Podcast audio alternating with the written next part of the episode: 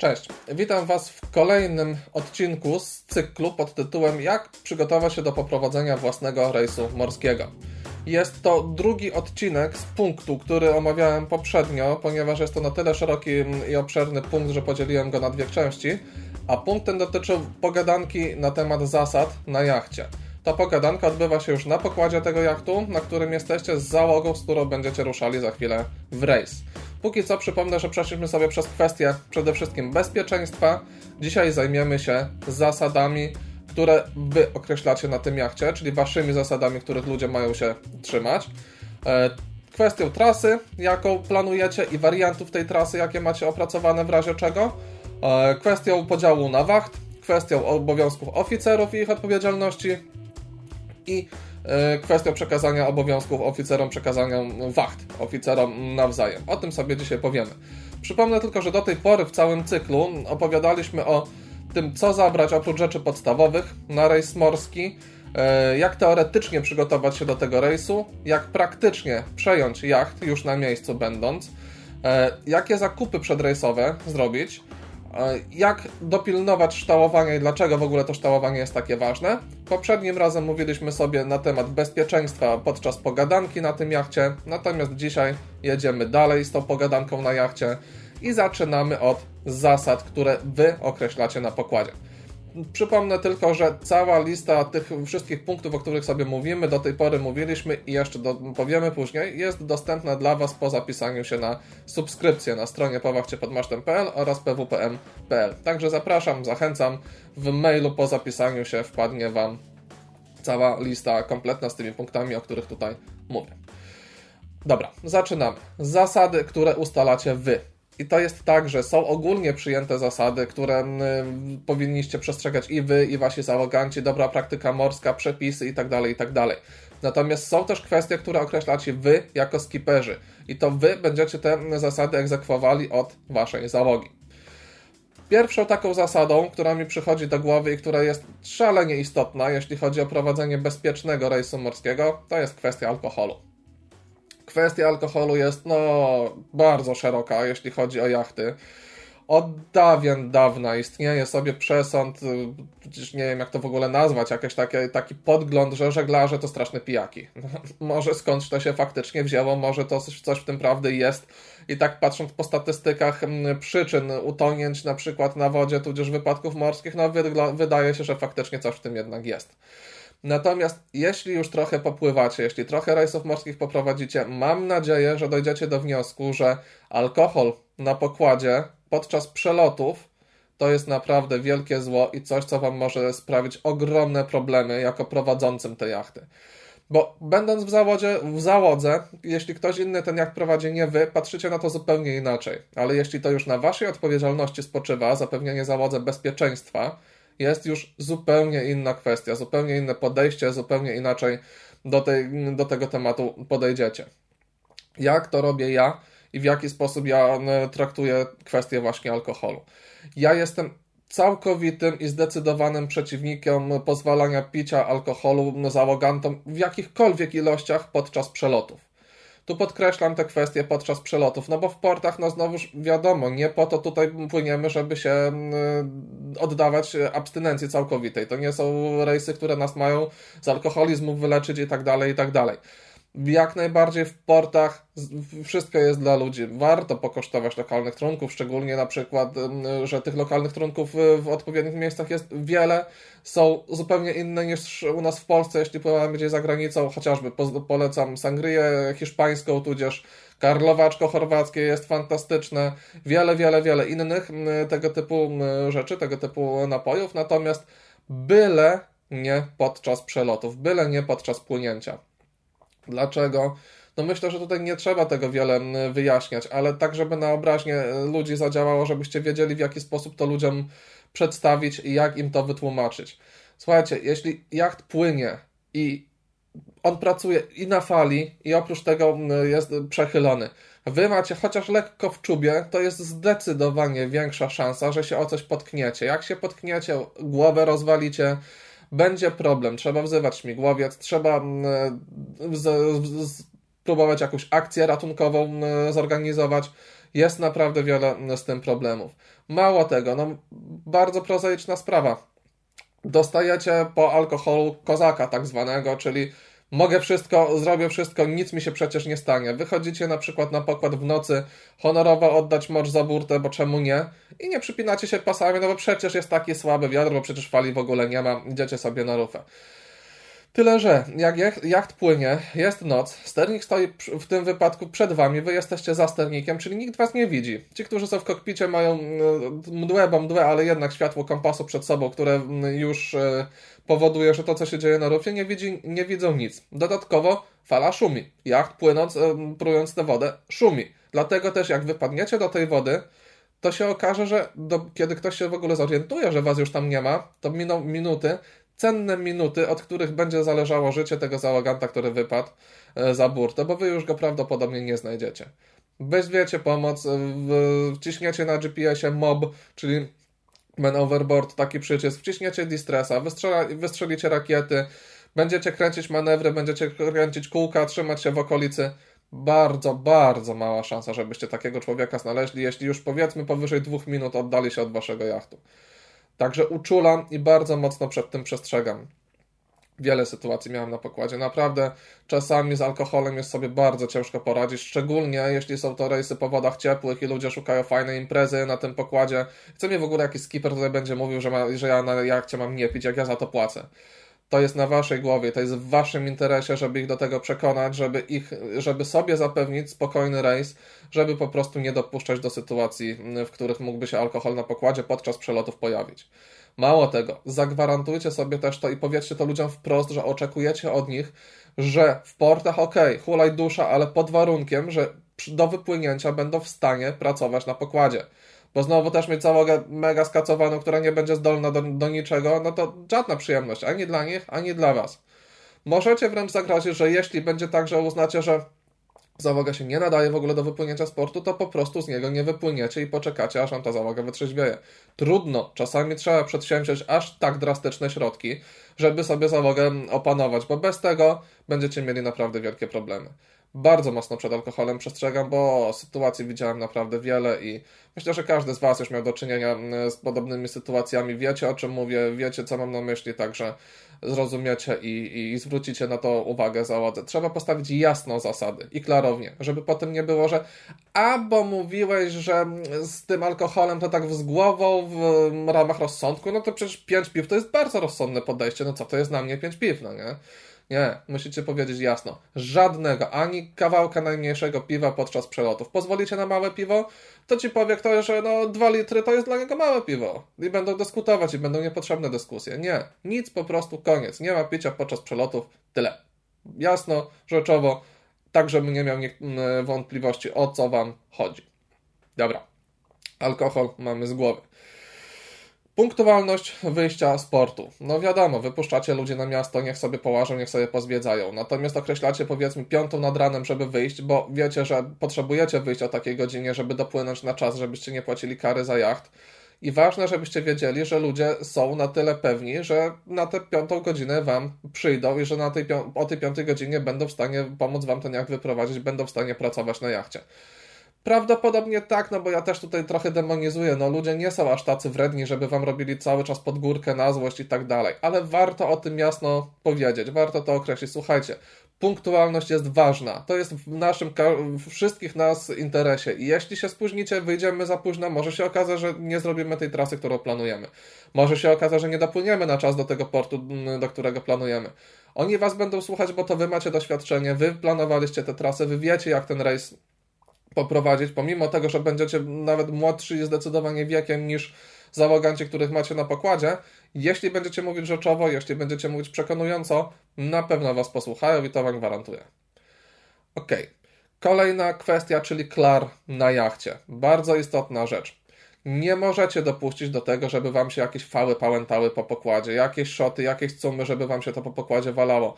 Zwróćcie uwagę ludziom na to, że to jest kwestia bezpieczeństwa. Jeśli jesteście na rejsie, gdzie nie macie ludzi, gdzie macie ludzi, którzy nie mają najmniejszego pojęcia o żeglarstwie, warto ich przeszkolić wcześniej z buchtowania lin, pokazać im y, jak te liny buchtować, gdzie je chować i dlaczego to jest takie ważne. Na Zawiszy Czarnym usłyszałem taką historię, że to nie jest historia, to jest prawdziwa, potwierdzona informacja, że Izba Morska swego czasu przy jakimś wypadku e, na wodzie określiła, że gdyby jacht był utrzymywany w należytej czystości i klarowany po prostu codziennie tak jak być powinno, to by do tragedii nie doszło. Nawet zacytowała słowa Szanty, codziennie pokład zmywać to nie jest wymysł piosenki, to nie jest wymysł tego, który ten, tę szantę tworzył. Chodzi o to, że pokład, który nie jest zmyty, e, jest śliski. Łączy się sól, która jest w wodzie, osiada na tym pokładzie, łączy się z kurzem, prochem, który może się też pojawić i po prostu się zaczyna na tym pokładzie ślizgać. Dlatego przemycie tego pokładu, no już nie mówię codziennie, ale co dwa dni na fajnych antypoślizgowych, plastikowych pokładach naprawdę warto. I tutaj też podkreślam, jeśli tylko macie możliwość, przemywajcie słodką wodą, żeby spłukać też tę sól z pokładu. Jak wyrobicie taki nawyk u załogantów na samym początku, to potem się to będzie trzymało. Jeśli zostawicie sobie klar gdzieś tam na trzeci, czwarty dzień, będzie wtedy już ciężko załogę zmobilizować. Także dobre nawyki starajcie się wprowadzać od samego początku. Kambus, e, jeśli chodzi o godziny posiłków i klar tego kambuza. To jest też dosyć istotna kwestia, bo określenie godzin posiłku wprowadza pewien schemat na tym pokładzie. Jeśli pływacie powiedzmy po Chorwacji, gdzie wypływacie na kilka godzin i na noc pływacie do portu, no godziny posiłków aż tak nie mają znaczenia i nie muszą być aż tak rygorystycznie przestrzegane. Natomiast jeśli płyniecie na rejsie, w którym będzie obowiązywał system wachtowy i będziecie faktycznie płynąć powiedzmy 2-3 doby non-stop bez zawijania do portów, określone pory posiłków są bardzo ważne, bo to pozwala ustawić się wachcie, która ma być w tym wypadku wachtą kambuzową, tak, żeby ten posiłek zdążyć przygotować, zdążyć go zrobić dla całej załogi i jeszcze jakoś odpocząć po wachcie nawigacyjnej. Bo nie zawsze jest tak jak na większych żaglowcach, gdzie wachta, e, nawiga, wachta kambuzowa, czyli ta wachta, ona się nazywała chociażby na Zawiszy wachtą gospodarczą, nie bierze udziału w wachtach nawigacyjnych. Na mniejszych jachtach najczęściej jest tak, że jednak wachta kambuzowa oprócz kambuzu prowadzi również wachtę nawigacyjną. Także określenie por posiłków jest, pór posiłków jest ważne. Dodatkowo bardzo ważną rzeczą jest, żeby uczulić załogantów, że kambus ma zostać przekazany w klarze. Czyli jak wachta kambuzowa zdaje ten kambus, to ma go zdać sklarowany, czyli tak jak ona by chciała go przejąć. No, to jest też zbyt ogólne, bo czasami ktoś wam zacznie pod górę robić i mówi, że ja, ja tam mogę przejąć nieumyte gary, bo co mi to przeszkadza. No właśnie nie. Chodzi o to, żeby kambus był po prostu w klarze. Czysto, pozmywane, posprzątane i e, ogólnie utrzymany porządek e, w tym kambuzie.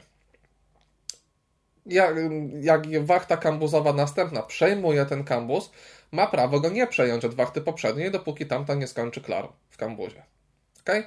To są takie informacje, które mm, potem powodują, że nie ma wątpliwości, w jaki sposób działamy na tym jachcie, zapobiegają konfliktom, bo ktoś powie, że a, bo tam się nie zmyli, to czemu ja mam zmywać? No właśnie tam cię muszą zmyć. Nie możecie dopuścić do sytuacji, żeby ktoś zostawił ten kambus niesklarowany.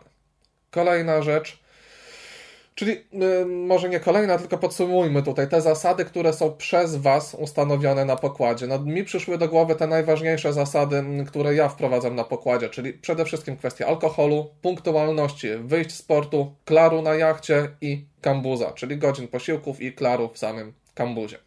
Dobra. Kolejna kwestia, czyli trasa. Trasę, tak jak mówiłem wcześniej, jeśli macie możliwość się teoretycznie wcześniej przygotować, opracujcie, opracujcie sobie kilka wariantów, wariantów tej trasy. Żeby w momencie, kiedy jesteście już na pokładzie i robicie pogadankę z ludźmi, wyciągnąć mapę i pokazać im, słuchajcie, sprawdziłem dzisiaj rano po prognozy pogody, wygląda na to, że no dajmy na to, siedzimy sobie w Gdańsku w Górkach Zachodnich, chcieliśmy sobie zrealizować rejs na Bornholm, ale widzimy, że przez pierwszy trzy dni ma nam wiać z zachodu, a potem z kolei ma się wiatr odwrócić i zacząć wiać ze wschodu. No, siłą rzeczy przez te 7 dni nie wyhalsujemy się w tej z powrotem. Najpierw na Bornholm, potem z powrotem do Gdańska. No fizycznie chyba, żebyśmy mieli naprawdę szybki jacht i sprawny, ale ja bym i tak nie ryzykował. Skoro tak, skoro był planowany ten Bornholm, ale wiatry są bardzo mocno niesprzyjające, no to zróbmy co innego. Idealne wprost są warunki, żebyśmy jak dżentelmeni półwiatrem polecieli na Gotlandię i dżentelmenem sobie, czyli półwiatrem, wrócili do portów, do, do Gdańska. tego typu wyjścia, tego typu alternatywne trasy są bardzo fajne, no bo pokazuje ludziom, ok, no nie zrobimy tego, ale zrobimy coś innego fajnego. Tam jest Istad, piękny port, tam jest Kalmar na Holandii, bardzo fajny e, port no, przy Holandii. Także no, warto im też pokazać takiego, żeby nie byli zbyt mocno zawiedzeni, że nie realizujemy tego, co było na przykład w ofercie rejsu napisane. Też oczywiście zależy na kogo traficie. Ja już kiedyś miałem tak do czynienia z załogą, która reklamowała rejs między innymi dlatego, że w ofercie rejsu było napisane, że będą delfiny skakały koło jachtu, a delfiny nie skakały.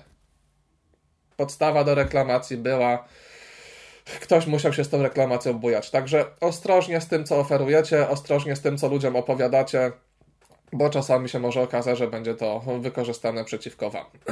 ok. E, prognozy pogody. To wpływa bezpośrednio na trasę i wpływa bezpośrednio na to, czy trasę zrealizujecie w 100%, czy w mniejszej ilości procentów i jak to będzie wyglądało. Prognozy pogody bierzcie zawsze świeże z kapitanatu. Jeśli jesteście w portach, polecam ściągnąć griba świeżego na swojego laptopa, tudzież komórkę, żebyście wiedzieli, co się będzie działo. Oprócz tego komunikaty meteorologiczne WKFC odbierajcie jak najbardziej. Na kanale 16 od czasu do czasu podawane jest security, security, security, all ships, all ships, all ships. This is na polską strefę brzegową na przykład jest to Witowa Radio, Witowa Radio, Witowa Radio. Navigation, war, uh, navigation warning and weather forecast. Please listen on channel 24, 25, 26. No i już wiecie wtedy, żeby się na te kanały um, przełączyć, żeby posłuchać prognozy pogody. To jest bardzo aktualna prognoza pogody, dawana na 12 i kolejne 12 godzin, także bardzo krótka, ale najbardziej aktualna i najbardziej rzeczowa i w nią ja osobiście zdecydowanie najbardziej wierzę. Fajne jest meteo.pl, e, czyli stare ICM, fajne są griby, ale jednak no, tam jest lokalna i aktualna prognoza pogody, także warto, warto ją sobie słuchać. I na tej podstawie może się tak zdarzyć, że wy w trakcie rejsu będziecie potrzebowali zmienić trasę tego rejsu. Trudno. Załoga, bezpieczeństwo załogi jest najważniejsze. No chyba, że załoga stwierdzi, Dobra, no to nie zdążymy, to nie zdążymy. Składamy się na karę i płyniemy dalej. Ale musicie być świadomi tego, że mogą to mówić teraz, a się okaże, że jak przypłyniecie, ej no sorry, no myśmy tak mówili, ale to był żart, a trasa była planowana tak, jak planowałeś, no i no, no nie dopłynęliśmy, to twój problem. Także ostrożnie, no demonizuję znowuż, ale żeby nie było niespodzianek, żeby nie było wątpliwości. Także prognozy pogody na bieżąco sprawdzamy i aktualizujemy trasę w zależności od tego, jak się prognoza zmienia. I tu kolejna uwaga, to Wam podkreślam ponownie, ponieważ już o tym, o tym mówiłem wcześniej, żebyście w ofercie rejsu, który chcecie zorganizować, zawarli taką klauzulę, że trasa rejsu może zostać zmieniona w zależności od warunków meteorologicznych. Ostateczną decyzję o kształcie trasy rejsu podejmuje kapitan w oparciu o bieżące komunikaty meteorologiczne. Takie coś, jak sobie napiszecie, to jesteście po prostu kryci. Dobra. Kolejna rzecz, czyli wachty. Rozpisujemy wachty. No jeśli pływamy po wodach takie, które, w który, na których będziemy te wachty wykorzystywali. Na Chorwacji no, raz rozpisałem wachty, zobaczyłem, że to faktycznie nie, działa, no bo i tak w nocy nie płyniemy, a w dzień no to wszyscy są na pokładzie, więc już raczej wacht nie rozpisuję. Natomiast rozpisuję wachty kambuzowe, żeby nie było wątpliwości, kto kiedy ma ten posiłek przygotować. I tak najczęściej na takiej Chorwacji czy w Hiszpanii mm, to pływają sobie rodziny, ludzie, którzy się znają i oni w sumie wspólnie stają do tego kambuza, przygotowują te posiłki, także nie ma z tym problemu. Natomiast jeśli są to ludzie sobie obcy, to żeby nie było niesnasek, żeby nie było wątpliwości, czemu znowu ja, no to wy mówicie, no dlatego ty, że dzisiaj wypada twoja wachta kambuzowa, sorry. Każdy to zrobi i każdy będzie miał tyle tych wacht kambuzowych, ile się na rejsie zdarzy.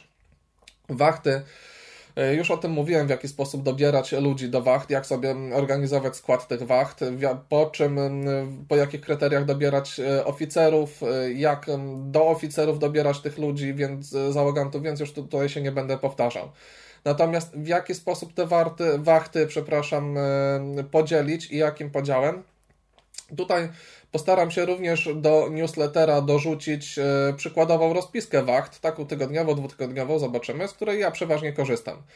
No, wy jako skiperzy najczęściej prowadzić będziecie jachty, na których będzie maksymalnie 10 osób. Nie przypuszczam, żeby było więcej. Do takich e, wielkości jachtów, do takiej ilości jachtów najbardziej sprawdza się według mnie trzy, yy, trzy wachtowy system wachtowy, że tak się wyrażę. Czyli robimy trzy wachty, trzech oficerów. Warto zrobić te wachty w ten sposób i ustalić tak te wachty, żebyście wy jako skiperzy nie brali udziału w wachtach. Dlaczego? I to wyjaśnijcie również swojej załodze, dlaczego wy nie bierzecie udziału w wachtach. No, no dlatego, że kapitan, skipper ma być dostępny non-stop, 24 godziny na dobę, cały czas.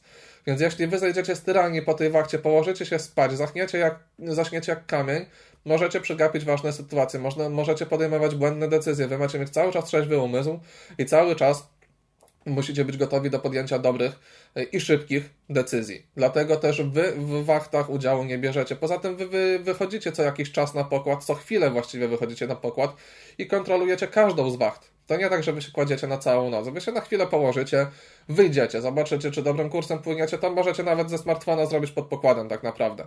Ale wyjdziecie, zobaczycie, czy żagle są dobrze ustawione, czy wiatr się nie zmienił, co się tam dzieje na pokładzie. Także kontrolować ten rejs jak najbardziej zachęcam i polecam, żebyście, e, żebyście go po prostu mieli cały czas pod kontrolą. E, system wachtowy w formie trzech wacht, wachty czterogodzinne, ja przynajmniej w ten sposób określam wachty, czyli co 4 godziny następuje zmiana wachty. E, jedynie w południe od godziny 12 do godziny 14 jest dwugodzinna wachta i od 14 do 16 znowuż dwugodzinna wachta. Potem idzie dalej 16, 20, 20, 24, 0, 4, 4, 8, 8, 12 i znowu 12, 14, 14, 16. Dlaczego? No dlatego, żeby była rotacja wacht. Żeby te wachty się zmieniały, żeby to się w jakiś tam sposób mieszało. Taką rozpiskę podeślę, wrzucę również do newslettera. Funkcja oficerów. O tym już mówiłem i nie chcę też się powtarzać, który oficer jaką funkcję będzie pełnił, tylko tak na szybko przypomnę. Oficer pierwszy jest odpowiedzialny za nawigację, szkolenie z żagli, kontakt w kapitanatach, obsługę UKF-ki, czyli na przykład zgłaszanie się do wejścia do portów, za spis, znaczy spis, za wiedzę, gdzie co jest na pokładzie, jakie mapy mamy na pokładzie i tak tak. Drugi oficer to przede wszystkim kambus czyli co, gdzie się znajduje, gdzie mamy odpowiednie artykuły spożywcze, ile nam tego jeszcze zostało, czy nadganiać z jedzeniem, bo za dużo przywieziemy, czy raczej wydzielać racje, tego nie powinniśmy do tego dopuścić, żeby racje były zbyt małe, bo może po prostu zabraknąć. Trzeci oficer mechaniczny, techniczny, czyli usuwanie usterek, monitorowanie stanu sprzętu, tego typu rzeczy. Natomiast co jest najważniejszą funkcją oficera? I to za każdym razem podkreślam, mówiąc już samym oficerom podczas pogadanki, najważniejszą funkcją oficera jest obudzić kapitana. Czyli jeśli płyniemy i oficer ma jakiekolwiek wątpliwości, na przykład w nocy, czy to światełko, które widzi, to płynie na nas, czy nie na nas, w każdej takiej wątpliwości ma do Was zejść, Was obudzić i zapytać Was o zdanie. Dlaczego? Dlatego, że to Wy podejmujecie decyzje ostateczne i to na Waszą odpowiedzialność idzie tak naprawdę wszystko. A oficerom powiedzcie tak. A po co wam mieć problemy z tego tytułu, że podjęliście złą decyzję? Waszym chronem jest to, żebyście zeszli pod pokład i mnie obudzili. Trudno, to ja się na to piszę, ja wiem, że mnie będziecie budzili i dobrze, ale ja chcę być pewien, że wy nie będziecie działali na własną rękę, tylko że będziecie mnie w stanie obudzić. Wtedy dopiero będę spokojnie mógł sobie zejść pod pokład i spokojnie sobie zasnąć. Jeśli ja nie będę pewien, bo będę widział, że mam jakiegoś kozaka na pokładzie, który chce wszystko po swojemu robić, to będę zdecydowanie czewcie na jego wachcie, na pewno. Bo nie będę pewien, czy on faktycznie zastosuje się do tego i w odpowiednim momencie mnie na pokład wyciągnie. Także to bardzo ważna kwestia. Oficerowie, jeśli czegokolwiek pewnie nie są, to mnie po prostu budzą. Bywałem już budzony na przykład do wstającego księżyca na horyzoncie, do jasnej gwiazdy, która się wydawała mm, mm, światłem jakiegoś statku. I dobrze, i o to właśnie chodzi, bo wtedy miałem już całkowitą pewność, że do nawet błahych sytuacji, ale mnie odpowiednie osoby wyciągnę na ten pokład. O to w tym wszystkim chodzi.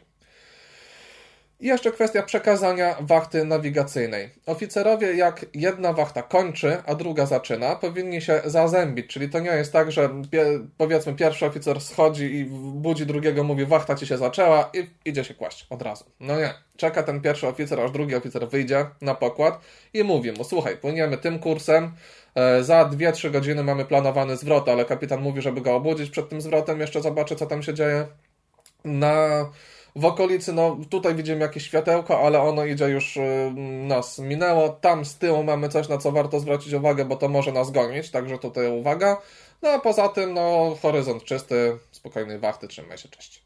I tak wygląda przekazanie wachty. Ważne, żeby te informacje zostały przekazane, bo zaspany oficer wychodzący na wachtę, zanim on ogarnie to wszystko dookoła, no może chwilę minąć. A jak sobie przekażemy tę wachtę, to on przynajmniej spokojnie będzie wiedział, na co zwracać uwagę, czego pilnować i od te, już nie zacznie od zera, tylko zacznie od e, kontynuacji tego, co prowadził poprzedni oficer. Oczywiście oficerowie dokonają wpisu w dzienniku pokładowym i się wtedy zmieniają. Dobra, skończyliśmy sobie kwestię pogadanki na jachcie, czyli opowiedzieliście załodze i oficerom, co oni na tym jachcie mają robić, jak się poruszać, żeby było bezpiecznie, co zrobić, żeby było bezpiecznie, czego im wolno, czego im nie wolno. Określiliście jasno zasady i za to ludzie Was będą lubili. Za to, że jasno przedstawiliście to, czego od nich wymagacie i czego od nich chcecie. Tyle na dzisiaj. Przypomnę, że wszystkie te kwestie, o których mówiłem, wszystkie te punkty są dostępne po zapisaniu się na newsletter na stronie Pawachcie pod masztem i pwpm.pl. Lajkujcie, subskrybujcie. Póki co, tak stoimy.